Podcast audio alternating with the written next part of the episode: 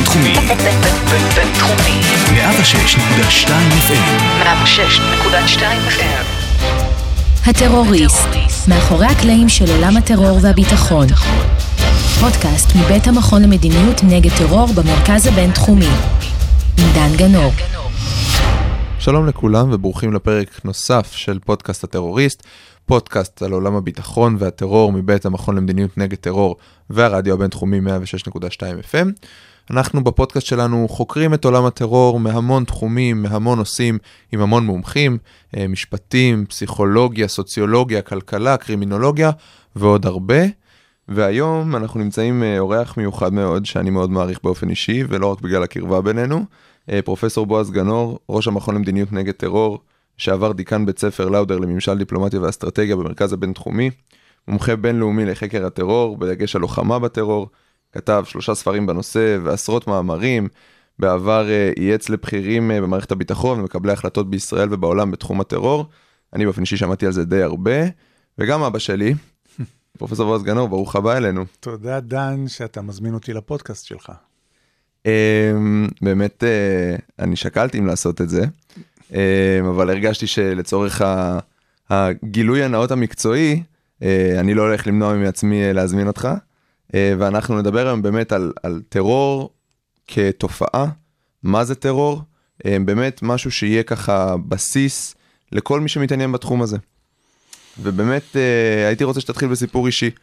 איך אתה הגעת לעולם הזה? איך אתה מהילדות שלך הגעת לחקור, לחקור טרור? חושב שכמעט כמו כל דבר טוב בחיים, אה, מדובר במקריות. כמובן שלא תכננתי, אם היית שואל אותי בצעירותי מה אני רוצה להיות, הייתי אומר לך טייס, שאיפה שלי היה באמת להיות טייס, ולשמחתי גם את השירות הצבאי התחלתי בקורס טייס, עד שמצאו שאני מהווה סכנה למטוסי חיל האוויר הישראלי, ואז מצאתי את עצמי מחוץ למסגרת הזאת. אה, כנער צעיר באמת, אה, שחי וגדל בתל אביב, בישראל, מצאתי את עצמי ליד אירועים, אה, אה, אירוע- אירועי טרור, חלקם אפילו ידועים, כמו הפיגוע אה, בכביש החוף ב-1979, אם אני לא טועה. באותו זמן עשיתי עבודת ביוטופ כ- כתלמיד תיכון במגמה ביולוגית ב... באותן בריכות דגים של קיבוץ מגן מיכאל, כאשר הפיגוע התרחש, אה, ועוד אה, לצערי פיגועים נוספים. אבל לא זה באמת מה שקבע את דרכי, מה שקבע זה מקריות, כי אה, אחרי שעפתי מקורס טיס, מצאתי את עצמי במקרה באותו אה, אותו ענף. אה, ואני מדבר איתך עכשיו כדי להסגיר את גילי, אני מדבר איתך על ראשית שנות ה-80, ערב מלחמת לבנון הראשונה. מצאתי את עצמי באותו ענף אה, שעוסק באמן מחקר בחקר הטרור, מה שנקרא אה, ענף אה, טרור, או היום זה זירת טרור. וכחייל צעיר ואחר כך קצין צעיר, מצאתי את עצמי כמעט מוקסם מהתופעה הזאת שנקראת טרור. כי תחשוב, כמה הנושא הזה הוא אינטרדיסציפלינרי. תחשוב על כל דיסציפלינה אקדמית שאתה מכיר ואתה תראה רלוונטיות לתחום הטרור. סוציולוגיה, קרימינולוגיה, משפטים, מדע המדינה, יחסים בינלאומיים, מחשבים, אה, כימיה, ביולוגיה, מדברים היום על טרור ביולוגי וכן הלאה וכן הלאה, קורונה. ו, אה, וזה התאים למבנה האישיות שלי, כי אני אוהב לדעת קצת על הכל. אז, אה, אז, אז טרור אפשר לי להיכנס לעולם, לעולם תוכן הזה. ובשנות ה-80, כשמצאתי את העניין בתחום, לא היה אה, גוף מחקרי אקדמי משמעותי שעסק אה, בחקר טרור. היה, היה, היה גוף אחד באוניברסיטת תל אביב. אבל למה בעצם לחקור אקדמית? זאת אומרת, טרור זה תחום שהוא מאוד מאוד ביטחוני, מקצועי. שאלה ש- נהדרת. יש שב"כ, יש מוסד, יש אמ"ן מחקר. שאלה נהדרת. למה צריך בכלל גוף אקדמי? תראה, אז קודם כל, משום שאנחנו מדברים על תחום שהוא, כפי שאמרתי, אינטרדיסציפלינרי. אה, אני רוצה לטעון, חלילה בלי לזלזל באף אחד, שגם הגופים הביטחוניים הכי אה, מרשימים, מוסד, שב"כ, אה, צה"ל, אה, אמ"ן, אה, היכולות שלהם הן מוגבלות, גם בגלל העובדה שהאחריות מוטלת על הכתפיים שלהם, והם צריכים לעשות תעדוף של המחקר שלהם. ולכן אה, אין להם את היכולות הדיסציפ... אה, האינטרדיסציפלינריות או המולטי-דיסציפלינריות האלה אה, שאנשי אקדמיה יכולים להביא לשולחן. עכשיו, זה לא בא במקום חלילה, לכן אני אומר, אני לא מזלזל, להפך. זה לא בא במקום, זה בא בנוסף לצורת החשיבה שלהם. אתה יודע מה, אני אתן, אני אתן לך דוגמה. היום אני חוקר איזושהי תופעה שנראית כל כך אופרטיבית, באמת דבר שהיית מצפה שמערכות ביטחון יעסקו בהם. זה נושא של מעורבות אה, ארגון חיזבאללה בזיוף תרופות. אה, והשימוש בהפצה של זה כסמים אה, לצורך גיוס כספים לארגון, לפעילות של הארגון וכן הלאה וכן הלאה. זה, על פניו זו סוגיה כל כך אופרטיבית, שבאמת מערכת הביטחון צריכה לעסוק בה, אבל להפתעתי, כשהתחלתי לחקור את התופעה הזאת לפני כעשר שנים, ושיתפתי באנשים מתוך מערכת הביטחון, הם לא ידעו על זה. זה, איך אומרים, זה היה מתחת לפנס, אה, כי אני לא עוסק בחומר מסווג, רק בחומר גלוי. זה היה שם, אבל uh, יש להם תעדוף אחר וצרכים אחרים, והם לא ראו את המעורבות המעניינת הזאת של, של חיזבאללה. זאת אומרת, למרות שלגופי הזאת. הביטחון האלה יש באמת כל כך הרבה משאבים ויכולות, ובאמת חומר מסווג ש... שחסר לאותם חוקרים אקדמיים, לכם, כן. אתה, אומרים, אתה אומר שעדיין הצלחתם להגיע לתוצאות שהם פשוט לא הסתכלו למקום הנכון. וזו דוגמה אופרטיבית שלכאורה היית מצפה שכן יהיה אצלם. כמובן שיש נושאים שהם לחלוטין לא בתחום האחריות שלהם. אה, אה, סוגיות תיאורטיות, פילוסופיות, אה, דברים שהם לא באמת קשורים לעולמות התוכן האופרטיביים שמערכות הביטחון עוסקים בהם. אז בוא נדבר באמת על הפילוסופיה הזאת. כן. אם אנחנו שנייה עושים זום אאוט לדבר הזה שנקרא טרור, ולא בדיוק אה, מה חמאס עושה היום, או מה חיזבאללה יעשה מחר, איך אנחנו מתייחסים לזה? מה זה טרור? אני חושב שהשאלה הזאת היא באמת דוגמה מובהקת לסוגיות שאני מכנה אותן תיאורטיות, או לכאורה תיאורטיות, ותכף נראה שיש להן גם כן השלכות בסוף אה, אה, אופרטיביות מאוד. אז, אז אז, אז זו שאלה נהדרת. כולנו אומרים טרור. אה, זה טרור והוא טרור, ויש היום טרור במשפחה, ויש היום טרור בכבישים, ויש היום... כל נושא שאתה רוצה להגיד שהוא חמור, מיד אתה מוסיף לו את המילה טרור. אה, יש לנו עכשיו את טרור הטיקטוק. אה, טרור הטיקטוק, כן, וכן הלאה וכן הלאה. אני יוצא חוצץ נגד השימוש המופרז אה, במונח טרור. טרור מבחינתי זה דבר מאוד מאוד מוגדר. אה, לא שיש הסכמה רחבה על מה שאני הולך להגיד לך, אה, נהפוך הוא. זה אחד הנושאים הכי קונטרוברסליים בעולם האקדמי וגם בעולמות המשפטיים והביטחוניים ואחרים. מהו טרור? אולי זה יפתיע את השומעים שלך, אבל לא ש... יש בעיה להגדיר טרור, יש בעיה לבחור הגדרה אחת מיני הרבה מאוד הגדרות שקיימות. אה, יש ספר אחד, נקרא Political Terrorism, שנכתב כבר בשנות ה-70 על ידי פרופסור שמיט, והוא מונה מעל 100 הגדרות לטרור. אה, ברוב המקרים, באותה מדינה, יהיה לך הגדרה של משרד המשפטים, והגדרה של אה, גוף מודיעיני, והגדרה של גוף צבאי, והגדרה של איש אקדמיה, באותה מדינה עצמה. אה, אבל למה, למה בעצם צריך או, להגדיר? אה, אז שאלה מצוינת, למה צריך? אתה יודע, יש כאלה שאומרים שטרור זה כמו פורנוגרפיה, כשאתה רואה את זה, אז אתה יודע מה זה. אה, ובכן, אני חלוק על, על הגישה הזאת. ברור היום לכולם שהטרור זה תופעה חוצת גבולות, וכדי להיות אפקטיבי במלחמה בטרור זה לא מספיק שאתה מאוד ממוקד במדינה שלך ואתה מנסה לאתר את חוליות הטרור ואתה מנסה אה, למנוע את זה על ידי חקיקה, ענישה, פעילות אופרטיבית כזו או אחרת. אתה צריך שיתוף פעולה בינלאומי.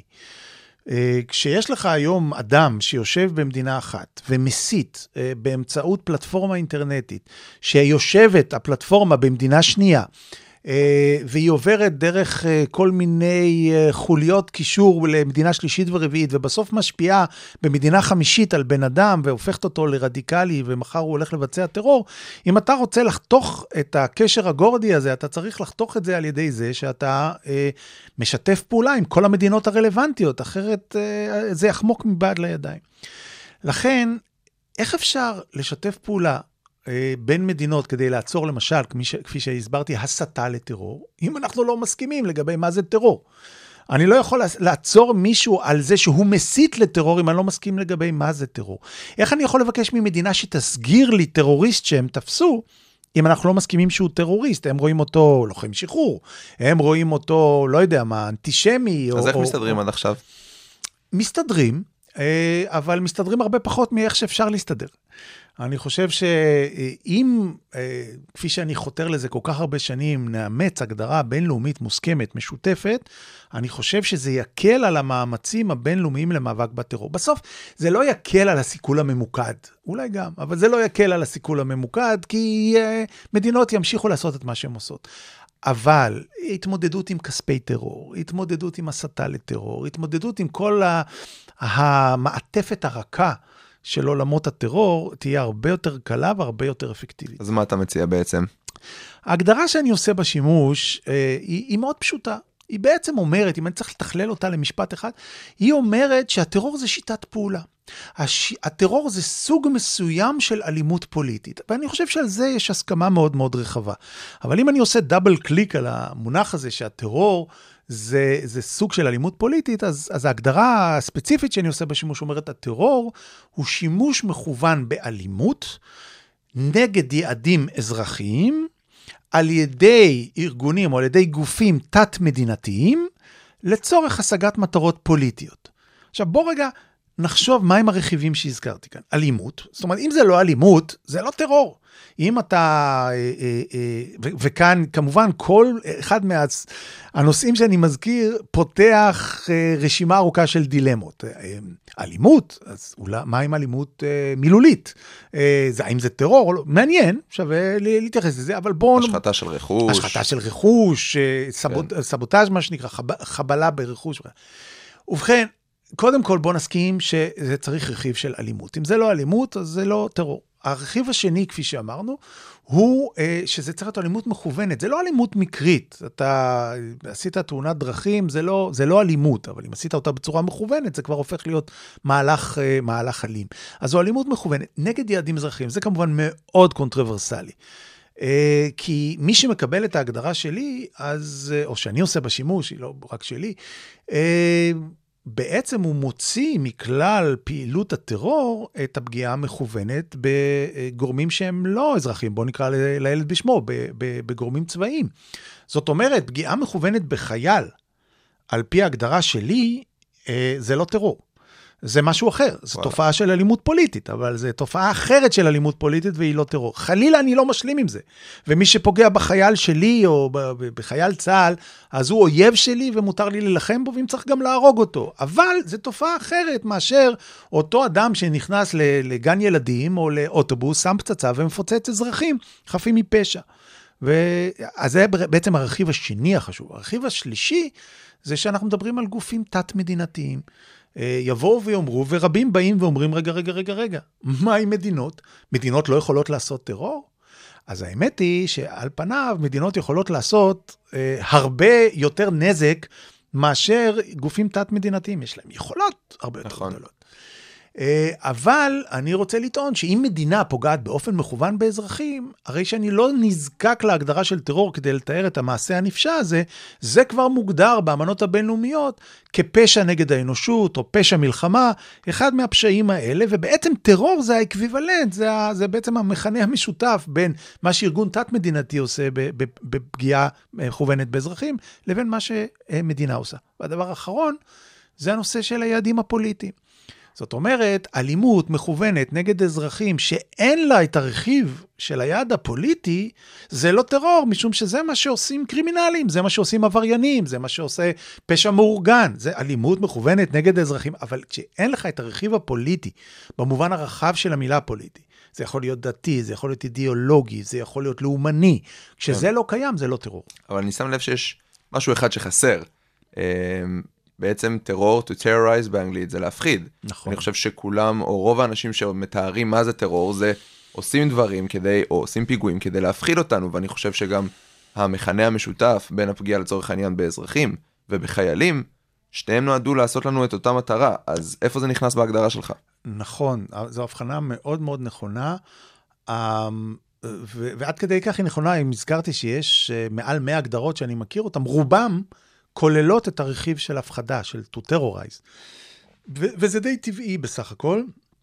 טרור נועד to terrorize, טרור נועד להפחיד. אלא מה? כשאנחנו אה, מגדירים, כשאנחנו לוקחים קריטריונים שמהווים בסיס להגדרה, מה בעצם אנחנו אומרים? כל מה שעונה לקריטריונים האלה שהגדרנו בהגדרה, זה טרור, אוקיי? אבל אם יש משהו שלא עונה לקריטריונים האלה, זה לא טרור. עכשיו, אני רוצה לטעון שנכון שרוב פיגוע, פיגועי הטרוריסטים בעולם מיועדים להפחיד. לא רק להפחיד, יש רבים שאומרים, הם מיועדים להפחיד קהל יעד שהוא יותר גדול מקהל הנפגעים עצמם, שזה עוד מאפיין Mhm. מאוד כן. מובהק של הטרור.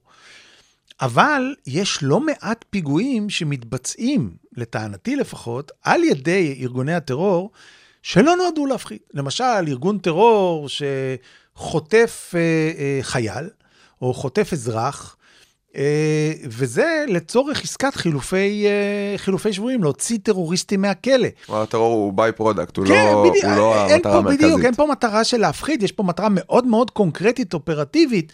ואז מה זה לא טרור? כי זה לא נכנס לי בהגדרה של הפחדה. ברגע שיש לי אה, אה, דוגמאות כאלה שהן סותרות את ההגדרה, הרי שאני לא מכניס את הרכיב הזה להגדרה.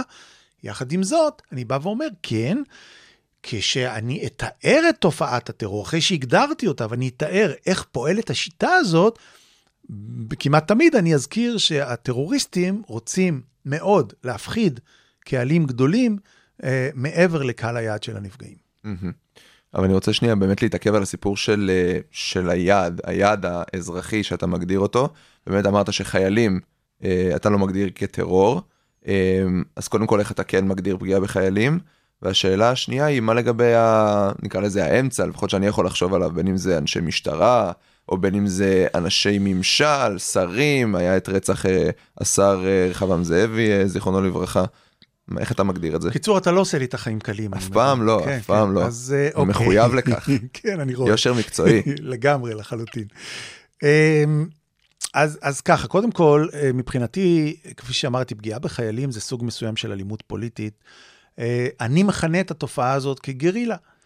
גרילה זה כמו טרור, קח את כל הרכיבים שאמרתי, רק במקום פגיעה מכוונת באזרחים, זה פגיעה מכוונת ביעדים צבאיים. זאת אומרת, זה שימוש אה, באלימות מכוונת נגד יעדים צבאיים לצורך השגת מטרות פוליטיות על ידי גורמים תת-מדינתיים. וצריך להתייחס לזה אחרת. עכשיו, קודם כל בואו נגדיר את זה אחרת, ואז בוא ונאמר שזה, יש בזה אה, סוג אחר של סיכון למדינה. עדיין סיכון למדינה, עדיין סיכון לחיילים. כמובן שיש לנו מחויבות אדירה כלפי החיילים אה, שלנו, וחלילה, אה, אסור שישתמע אה, מההבחנה בהגדרות שזה בסדר וזה לא בסדר. זה לא הכוונה וזה לא מה שאנחנו אומרים. שני הדברים מבחינת המדינה המותקפת, ישראל מותקפת על ידי פעילי חמאס בטרור או בגרילה, בשני המקרים למדינה מותר וצריך להתגונן ולנקוט בכל האמצעים הנדרשים כדי להרתיע את חמאס, לפגוע בחמאס ולמנוע מהם. יתרה מכך, כפי שכבר רמזתי בדבריי, לא רק אה, אה, ש, ש, שחייבים אה, לראות בשני המקרים כפעולה שאויבים מבצעים נגדנו, אלא שבאמת, באמת, בדרך כלל, מדובר באותו ארגון, שהוא יום אחד הוא יכול לעשות טרור, ויום אחר הוא יכול לעשות גריל. לפעמים אותו פעיל בבוקר יכול לעשות פיגוע טרור, ובצהריים או למחרת יכול לעשות פיגוע גרילה. אז איך אתה מתייחס אליו? אז uh, אני מסתכל על הטרור כאל רף, שאם אתה חוצה אותו, הרי שאני צריך להתייחס אליך כאל טרוריסט. למה הכוונה? עוד פעם, מצידה של המדינה אין הבדל גדול.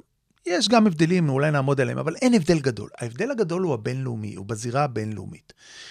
אני יכול להבין, בואו ניקח את הדוגמה הישראלית, שתבוא מדינה מסוימת אה, ותגיד, תשמעו, אנחנו רואים בפלסטינים שמבצעים פעולה אלימה נגד מדינת ישראל כדבר לגיטימי. אה, משום שהם לוחמי שחרור. אגב, אחת הבעיות הכי קשות הרי בהגדרת הטרור זה אותו משפט בעייתי, לא רוצה להגיד אווילי, אבל בעייתי, שאומר, טרוריסט בעיני האחד הוא לוחם שחרור בעיני האחר. אה, למה אני אומר שהוא... נשמע מאוד הגיוני. מאוד הגיוני, אבל הוא בעייתי והוא מטעה, ומטעה אולי בכוונה תחילה, משום שהוא מערבב מטרות ואמצעים. לוחמת השחרור, או השחרור הלאומי, זו מטרה. הטרור זה שיטת פעולה כדי להשיג מטרה. אז כן, יכול להיות שלוחמי שחרור משתמשים בטרור כשהם מכוונים את האש שלהם נגד אזרחים, ויכול להיות שהם מבצעים גרילה כשהם מכוונים את האש שלהם נגד אנשי צבא. אבל אם נחזור חזרה רגע לסוגיה של אה, איך אני מתייחס לגרילה, או איך אני מתייחס לפגיעה בחיילים, אני מתייחס לזה כאל גרילה מבחינת המדינה, כאמור, אויב שווה ערך.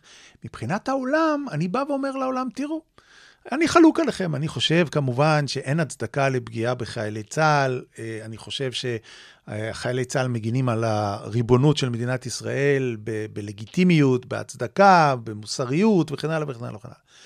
אבל אני מבין שאתם באים ואומרים שאתם רואים את זה אחרת בהשקפת העולם שלכם, כי בעיניכם הם לוחמי, לוחמי שחרור. אבל אני מצפה מכם, אפילו כמדינות ערב לצורך העניין, שתומכים בעניין הפלסטיני, שתבואו ותגידו לפלסטינים, ראו, אם אתם מכוונים את האש שלכם נגד יעדים צבאיים ישראלים, אנחנו איתכם.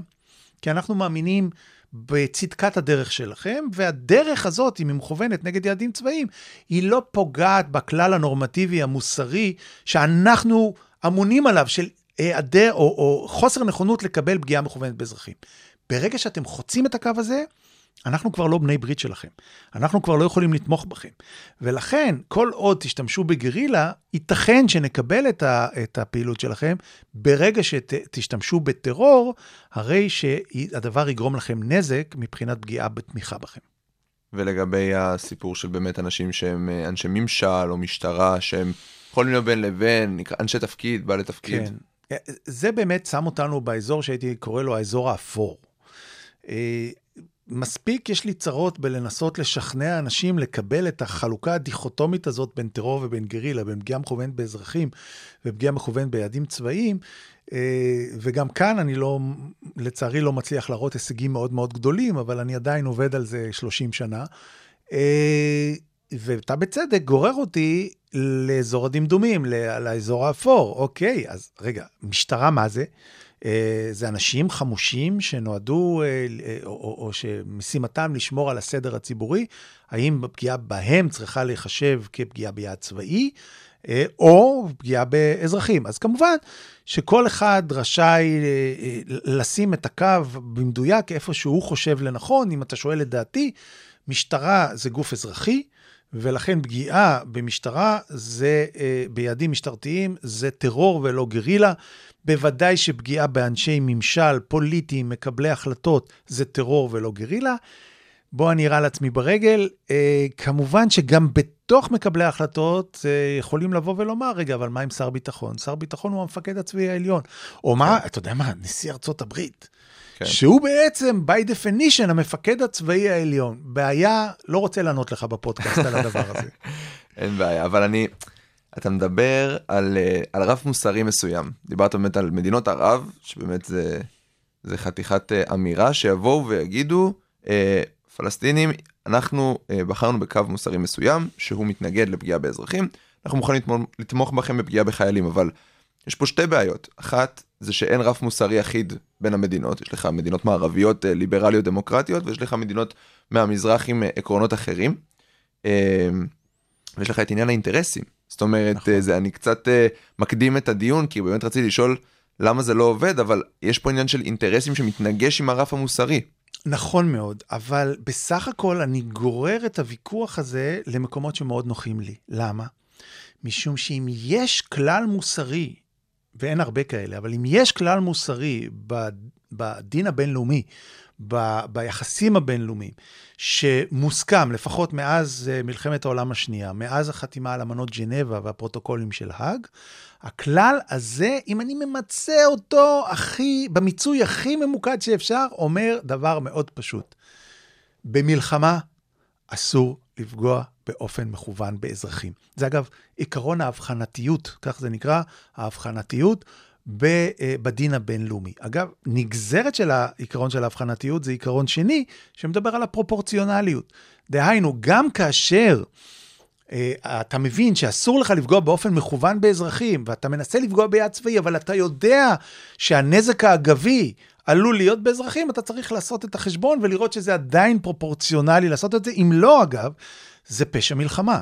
הפעולה הצבאית הלא פרופורציונלית, או המכוונת נגד האזרחים, זה פשע מלחמה. כל מה שאני אומר, חבר'ה, בואו נאמץ את הכלל הזה, שמקובל כבר בדין הבינלאומי על ידי רוב מדינות העולם, גם לגבי מה שאנחנו מחייבים לגבי ארגונים תת-מדינתיים, ארגוני טרור וארגוני גרילה. אז בעצם הבאתי את העולם לשיח נורמטיבי, שהוא לפעמים נוגד אינטרסים, כמו שאתה אומר, אבל זה כבר שיח נורמטיבי שהם קיימו אותו מוסכם, כן. וקיבלו אותו. כן. אני רוצה רגע לשאול על הסיפור של המניעים. התייחסת למניעים פוליטיים, או בהכללה רחבה, מניעים אידיאולוגיים. אה, מה זה בעצם אומר?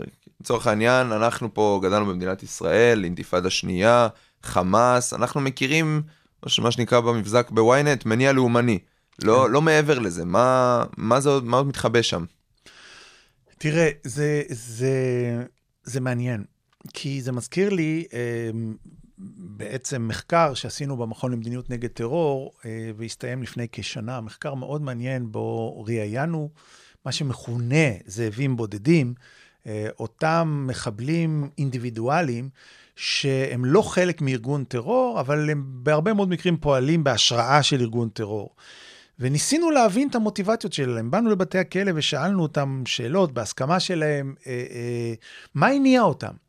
ומצאנו ספקטרום של תשובות. אה, בחלק מהמקרים באמת המניעים היו מניעים אידיאולוגיים או דתיים, אה, הגנה על אל-אקצא, אה, מה שהם זיהו או נענו להסתה שאומרת אל-אקצא נמצאת בסכנה, תעשו משהו כדי להציל את אל-אקצא, הלך ולקח סכין ודקר את היהודי הראשון שהוא ראה. אה, או רצון לנקם לאומני. אה, זאת אומרת, לנקום על פעולה שצה"ל עשה, או משהו כזה, או משהו אחר. אבל אלה יותר באמת בעולמות התוכן שאנחנו מדברים עליהם. חלק לא קטן מהם עשה את מה שעשה מסיבות אה, אישיות, אה, מסיבות של אה, אה, אכזבה רומנטית, מסיבות אה, של אה, אה, אה, מריבה וויכוח בתוך המשפחה, או אפילו במקרים מסוימים הפרעות נפשיות. אבל זה אה, באמת הייתה הסיבה, או שזה היה הטריגר לדעתך?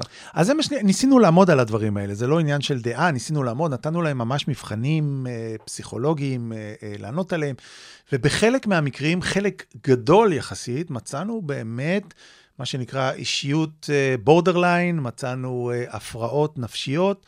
אה, יותר ממה שמקובל באוכלוסייה שמהם הם באים, ואתה יודע מה, עשינו את אותו מחקר בערך עשר שנים אה, קודם לכן, מי שהוביל את זה היה פרופסור אריאל מררי, אה, והוא את אותם שאלונים העביר לאותם, אה, ל- ל- ל- ל- אה, אסירים אחרים בבתי הכלא, שהמאפיין שלהם לא היה זאבים בודדים, אלא מחבלים מתאבדים, או בעצם כאלה שלא הצליחו להתאבד, נכשלו ונתפסו, ו- וגם להם העברנו. עכשיו, היית מצפה שהם יהיו, בואו נקרא לזה בשפת העם, פחות נורמליים מאשר הזאבים הבודדים. אחד כזה שבא כדי להתאבד, ולהפתעתנו התשובה הייתה בדיוק הפוכה. זאת אומרת, מצאנו יותר אה, הפרעות נפשיות, אה, או בורדרליין יותר נכון, אה, באותם, אה, באותם קבוצות, או באותה קבוצה של זאבים בודדים, בהשוואה לא רק לציבור בכלל הפלסטיני, אלא גם וואלה. למחבלים המתאבדים. אני מתמקד במ- במניעים האידיאולוגיים שדיברת עליהם. כן. נקם לאומני, דתי. יש עוד סוגים כאלה של, של משהו שאתה מכליל בתוך טרור, או שאנחנו, יש לנו את אל-קאעידה הדתי, או את דאעש שהוא דתי, ואת האש"ף שהוא פלסטיני. אז קודם כל, יותר לאומני. בעצם אני מדבר על פוליטי, אידיאולוגי, דתי. אבל כל אחד מה- ממה שאמרתי זה קבוצה. מהמם. האידיאולוגי יכול להיות אידיאולוגיות שונות. תחשוב על כמובן אה, איסלאמיזם, אבל אה, אני מדבר על קומוניזם, פשיזם, אם מדברים על טרור ימני, אה, אנרכיזם וכן הלאה. כמעט כל מה שנגמר בזם יכול להיות אה, אה, בתוך העולמות תוכן האלה. אז זה, זה אידיאולוגי. אה, לאומני, אז לאומני יכול להיות באמת אה, אה, כאלה שהיית אולי מגדיר אותם כפועלים לשחרור לאומי, הם רוצים להשתחרר מכיבוש זר, או ספרטיסטים, כאלה שרוצים להיפרד בחלק מה, מה, מה, מהמדינה, ממדינה אחרת. אה, זאת אומרת, יכול כל, להיות, תפיס, כל תפיסת עולם בדיוק. שהיא קיצונית ב- והיא מובילה לאלימות, נכון, יכול להיות אתני, יכול להיות חברתי, מעמדי, וכן הלאה וכן הלאה. כן, אם אני למשל לוקח, סתם עולה לראש הדוגמה של במצעד הגאווה, הרצח של שירה בנקי, זיכרונה לברכה, על ידי בחור חרדי, זה טרור? זה... למה זה... אתה גורר אותי למקומות האלה? אחר, אני עוד חייב, פעם, אני למקומות חייב. הכי קשים. כי זה הכי מעניין. כן. אין אז- מה לעשות. אז, אז, אז בוא אני אה, אה, אומר. כי בוא נגיד ככה, לרוב האנשים, וגם לי, ששמעתי על זה פעם ראשונה, זה היה נשמע כמו, אוקיי, אה, בחור חרדי, משוגע, אה, החליט אה, שהוא הולך אה, בשם האל, והורג את מי שמתנגד לאידיאולוגיה שלו. האם אפשר להגדיר את זה כטרור? ממש כמו אה, פיגוע במחסום אה, בתפוח. ז- זו שאלה, ואני כמובן לא אתן עליה תשובה, כי אני כבר קצת מנוסה, אבל אה, מה שאני כן אתן, אני אתן כללים שאולי ביחד, אתה, אני והמאזינים שלנו, נוכל להחליט האם זה פיגוע טרור או אקט קרימינלי של משוגע. אז קודם כל, באמת השאלה הראשונה היא מה מידת השפיות של האדם הזה. כמו אגב בכל אה, פשיעה עבריינית, הדבר הראשון שבודקים, האם הוא מודע למעשיו, האם הוא אה, אה, מבין את כללי עשה ואל תעשה ואת המשמעויות של זה. שאלה ראשונה. כי אם התשובה היא שהאדם הוא לא אחראי למעשיו, והוא לא נורמלי, או, או סובל מהפרעת אישיות כזאת שהופכת אותו לא אחראי למעשיו, אז כמובן שהוא לא מבצע טרור, הוא, הוא מבצע וזה תהליך שבית המשפט אמור נכון, לעשות, נכון. כמו לכל פושע רגיל. נכון, בדיוק. אז, אז, אז זו שאלה ראשונה. אחר כך שאלה שנייה, למה הוא עשה את הדבר? מה הניע אותו? עכשיו, אם היית מגלה שאותו אדם אה, סבל מחוויה אישית, חלילה, לא יודע מה, של אונס, או איזושהי אה, פעילות מינית, אה, אה, והוא בא לנקום באופן אישי על מה שקרה לו, זה גם לא טרור, משום שיש כאן נקמה ואיזושהי ונדטה אישית שהוא, אה, שהוא מבצע אותה. אם אתה מגלה שהאדם הזה, יש לו אה, תורה סדורה, הוא נמצא ברשתות החברתיות, והוא מסית אחרים, והוא אה, אה, קורא את החומרים האלה, וכותב על הדברים האלה, והוא יצר אידיאולוגיה, הוא חלק מאידיאולוגיה של שנאת להט"בים, אה, אז זה אידיאולוגיה, ואם זה אידיאולוגיה, זה טרור. אה, ולכן, זה, אלה הם כללים, כללי אצבע שהייתי לוקח אותם איתי לבחון כל פעולה ופעולה. כן. אמ, דיברת באמת על מחבלים מתאבדים, דיברת על זה שהם אפילו היו יותר נורמליים מזאבים בודדים. אמ, לבן אדם מהצד זה נראה שבן אדם שהולך לפוצץ את עצמו בתוך אוכלוסייה אזרחית, אבל גם הולך לגמור לעצמו את החיים, או שהכריחו אותו, או ששילמו לו, למשפחה שלו הרבה מאוד כסף. זאת אומרת, באמת, אה, יכול להיות שיש אינטרס אחר? איך זה עובד באמת? אתה אה, אה, מביא אותנו לדיון בשאלה מאוד מאוד עמוקה, שהיא הרבה מעבר לטרור, דרך אגב, וזה מה זה רציונלי. אה, מה- מהי רציונליות? מהו תהליך קבלת החלטות רציונלי? ובאמת, אם נשמע אני... לי כמו כלכלה קצת. אה, כן, אנחנו נמצאים כאן בחסות של בית ספר לתקשורת במרכז הבינתחומי, ואני בטוח שאם אנחנו נרד אה, אחרי ההקלטה אה, אה, ונתפוס איזשהו סטודנט באופן רנדומלי, לא משנה מה הוא לומד, או נצא החוצה ונשאל סתם אדם מן הרחוב, תגיד לי, המחבלים המתאבדים הם שחקנים רציונליים? יש להם תהליך קבלת החלטות רציונלי? אני בטוח שב-90 אחוז התשובה תהיה, מה פתאום, השתגעת? ברור שלא. בן אדם שמוכן לשים על עצמו חגורת נפץ ולאבד את חייו כדי להרוג אחרים, זה, איפה הרציונליות שכאן? ואני אה, אה, סבור אחרת. אה, למה? כי אז באמת אני שואל את, את עצמי, מה הוא תהליך קבלת החלטות רציונלי? ואני רוצה להגיד שתהליך קבלת החלטות רציונלי הוא תהליך שבו אדם אה, מציב לעצמו מטרות, יעדים, בוחן אלטרנטיבות פעולה שונות להשגת המטרות האלה, ובוחר את אלטרנטיבת הפעולה שבעיניו היא יותר מועילה מאשר מזיקה. רוב הטרוריסטים, רוב הטר... אפילו המתאב... המחבלים המתאבדים, עושים את זה בדיוק. אלא מה? אנחנו באים. האנשים שבאים מתרבות אחרת, שבאים מדת אחרת, שבאים מרציונל אחר, מסולם ערכים אחר, משיקולי עלות תועלת אחרים, ואנחנו מנסים לשפוט האם זה רציונלי או לא רציונלי מה שהם עשו. עכשיו, כאשר אותו מחבל מתאבד, בטוח, במאה אחוז, שבגלל המעשה הטוב שהוא עושה והוא אה, אה, אה, רוצח יהודים, כן? זה מה שמצופה ממנו, זה מה שתורתו הקדושה אומרת לו לעשות, וכמובן, לפחות בעיניי, זה, זה, זה פשוט חוסר הבנה של האסלאם, אבל זה מה שהוא מאמין בו, זה מה שחינכו אותו להאמין.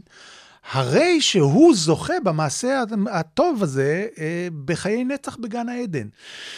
נו, אם אתה לא מאמין בגן עדן, אז בוודאי שזה לא רציונלי, אבל אם אתה מאמין בגן עדן, ואתה מאמין ב-72 בתולות שיחכו לך בגן העדן, זה מאוד מאוד רציונלי לעשות את הפעולה הזאת. כלומר, כשבאים uh, מתנגדי, uh, מתנגדי ישראל ואומרים שאנחנו באים ומציגים את הטענה של הנה, יש פיגועים ויש מחבלים מתאבדים, ואומרים, מה אתם מצפים, תראו לאן אתם דוחקים אותם, תראו לאן אתם גוררים אותם, בעצם יש פה גם מכלול אינטרסים שהוא, שהוא אחר, שהוא מנותק מזה. יש גם מכלול אינטרסים אחר, אבל יש גם חוסר הבנת הרציונל של היריב. זאת אומרת, הטעות הכי גדולה שמומחה לטרור, או אפילו אזרח רגיל יכול לעשות בניסיון אה, אה, לבחון שיטות פעולה של התמודדות עם טרור, זה שאתה מייחס ליריב את הרציונל שלך. שאתה אומר, הוא לא יעשה את זה כי זה לא הגיוני, גם אני לא הייתי עושה את זה בתנאים האלה, אבל סליחה, הוא, יש לו סולם של שיקולי עלות תועלת שונה מהסולם שלי, ולכן אדם בוודאי מומחה לחקר טרור, צריך לפתוח את הפדחת שלו, להוציא את שיקולי העלות תועלת שלו מהראש, להכניס את שיקולי העלות תועלת של היריב ולהבין אותם. עכשיו, אם זה לא מספיק מסובך, אז אין פה גם שיקולי עלות תועלת גנריים של טרוריסטים, כי אפשר להבין ששיקולי עלות תועלת של דאעש שונים משיקולי עלות תועלת של חמאס, ושונים משיקולי עלות תועלת של חיזבאללה. אתה יודע, אין גם שיקולי עלות תועלת של דאעש שהם גנריים. למה?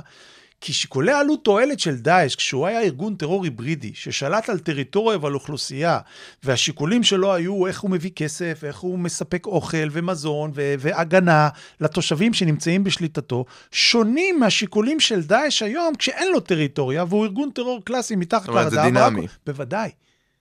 זה היופי, אגב, של חקר הטרור. אתה כל הזמן צריך ללמוד ולנסות להבין איך האבולוציה הזאת, אבולוציית הטרור מתרחשת. אמ, אני רוצה רגע לשאול אותך על, אם אני חוזר טיפה אחורה, על הסיפור הזה באמת של חיילים מול אזרחים, ולנסות, אם אני מבין את מה שאתה אומר בהגדרה, אתה מנסה לגרום לטרוריסטים לנטוש את המאבק האלים כנגד אזרחים, ולהפנות אותו כנגד חיילים. עכשיו, אם אני עושה בדיוק מה שאתה אמרת עכשיו, ושם את העיניים שלי כטרוריסט, אז אני אומר, תשמע, זה מאוד יפה, אבל גם היום, עם טרור, ועם פגיעה מאוד קשה באזרחים ברמה אה, אה, יומיומית כמעט בתקופות מסוימות, לא מצליח להשיג את היעדים שלי. אז אתה גורם לי לוותר על אה, אלמנט האזרחי ולהתמקד בחיילים שכנראה פחות מזיק או פחות פוגע במדינה או פחות כואב לה בבטן הרכה. זה בוודאות יגרום לי לא להשיג את המטרות שלי, אז, אז איך אני בעצם אה, אתנהג לפי החוקים שלך? אז uh, יש לי כמה תשובות לשאלה הזאת. Uh, התשובה הראשונה היא שאני מנסה לעשות תרגיל ג'ודו לטרוריסטים. מה, מה, מה עושים בג'ודו לפחות? אני לא מבין כלום בג'ודו, אבל מה שאני מבין בג'ודו זה שאתה משתמש בכוח של היריב נגדו. Uh, למה אני אומר תרגיל ג'ודו? כי אולי תתפלא לשמוע, אני מקווה שהפתעתי אותך, בטח לא הפתעתי אותך, בכך שאמרתי שטרוריסטים הם שחקנים רציונליים. עכשיו אני אפתיע אותך בדבר אחר. טרוריסטים, וכמובן שאני עושה הכללה, אה, בחלק ניכר מהמקרים הם גם שחקנים שעושים שיקולים מוסריים. אלא מה שוב? סולם הערכים המוסרי שלהם שונה מסולם הערכים המוסרי mm-hmm. שלי. אבל הדיון והוויכוח, האם זה מוסרי או לא, קיים גם בארגוני טרור, גם בקרב פעילי טרור. אני אתן לך דוגמה מובהקת, סיפרתי לך על המחקר שעשינו בבתי הכלא. Mm-hmm. Uh, בתוך המחקר הזה, כמקרה צדדי, לא תכננו את זה, אה, נכנסתי, אה, הוזמנתי לתאו של אחד האסירים הכי כבדים אה, מה, מהחמאס, וניהלנו שיחה, בחור דובר עברית על בוריה, וניהלנו שיחה, וואלה. כן, כמעט פתוחה, בדיוק בשאלות האלה. אתה יודע, והתחלתי איתו ואמרתי לו, שאלתי אותו, תגיד לי, למה אתה יושב, לכמה זמן אתה יושב בכלא? איקס מאסרי עולם. למה אתה יושב בכלא? הוא אומר, כי אתם הכנסתם אותי לכאן. אני אומר, מה זאת אומרת? הוא אומר, אני לוחם שחרור, ואתם אה, הכנסתם אותי לכלא. אמרתי, אני מבין שבראייתך אתה לוחם שחרור. אז יש לי שאלה אליך כלוחם שחרור, כפי שאתה רואה את עצמך. האם יש איזשהו רף מוסרי בעיניך, בעיני השקפת עולמך, דתך, סולם הערכים שלך, שכלוחם שחרור, שאין ויכוח שלוחם שחרור, יש לו הצדקה לבצע פעולות כאלה ואחרות, האם יש סוג מסוים של פעולות שאסור לך לעשות על פי הערכים שלך? אז הוא חייך ואומר, אני מבין לאיפה אתה לוקח אותי. אתה רוצה להגיד שאסור לפגוע באזרחים. אמרתי, נכון. הוא אומר, טוב, אני לא קונה את זה. כי אתם לא, אתם, אתם, אתם לא אזרחים. כולכם אנשי צבא. הייתם בצבא, אנשי מילואים, אתם ילדים, תהיו חיילים, כולכם אנשי צבא, כולכם מטרות לגיטימיות. אמרתי, אוקיי, אני מוכן למתוח את, ה, את, ה, את הגבול. את, את הגבול שלי עוד קצת, ולהבין שאתה לא רק רואה את עצמך לוחם שחרור, אלא גם שאתה רואה אותנו כמטרות לגיטימיות. עדיין אני שואל אותך, האם יש איזשהו רף מוסרי שאסור לך לעבור אותו בהשקפת עולמך? הוא חשב רגע, ואז הוא אמר, אתה יודע מה? כן. אמרתי לו, מה זה? הוא אומר, פגיעה מכוונת בילדים. אני חושב שהדת שלי אוסרת עליי על פגיעה מכוונת בילדים.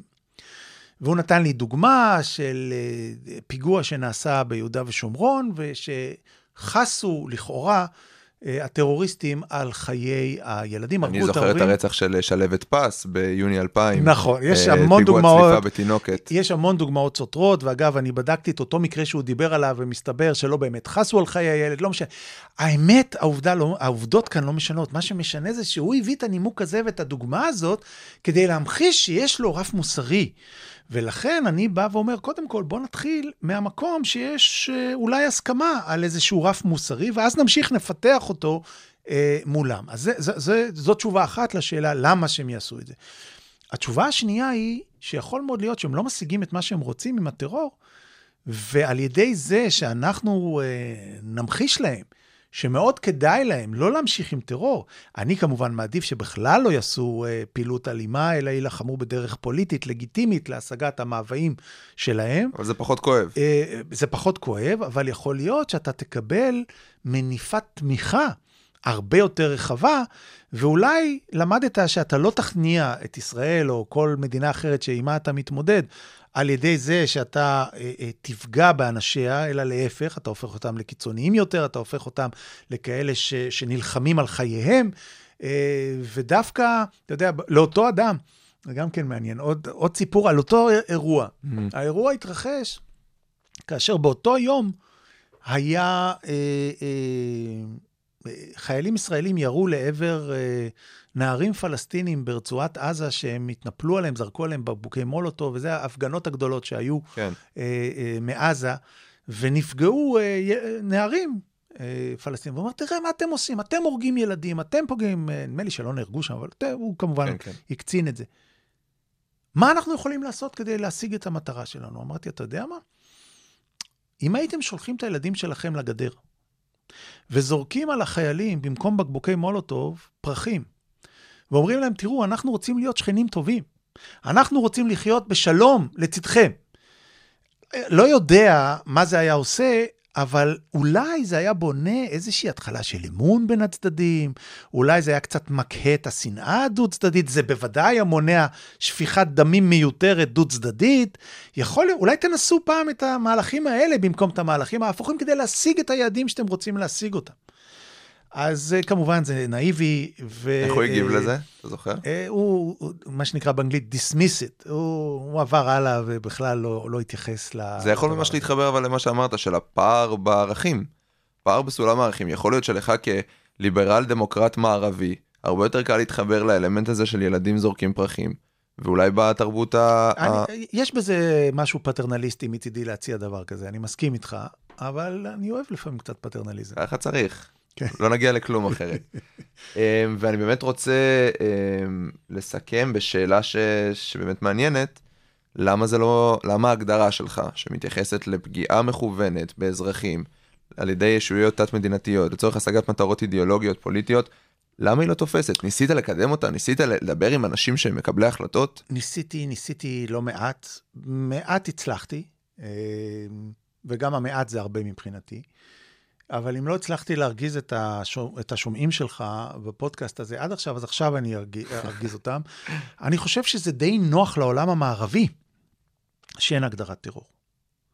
משום שאז כל אחד יכול להגדיר את מי שהוא רוצה כטרוריסט. השמאלנים טרוריסטים והימניים טרוריסטים, ה, אה, אה, אה, כמו שאמרנו, כמו פתחנו את הפודקאסט, האלימים במשפחה הם טרוריסטים, וה, וה, אה, אה, כל אחד יכול להיות טרוריסט אה, בעניין הזה, וזה בעיקר לפוליטיקאים מאוד נוח, שהם פשוט יכולים לצייר, ואין איזשהו קריטריון לבדוק האם, סליחה, האם באמת הם טרוריסטים? לא, כי אין הסכמה לגבי מה זה טרור. אז הכל טרור. כל מה שאתה רוצה, אתה יכול להכליל את זה.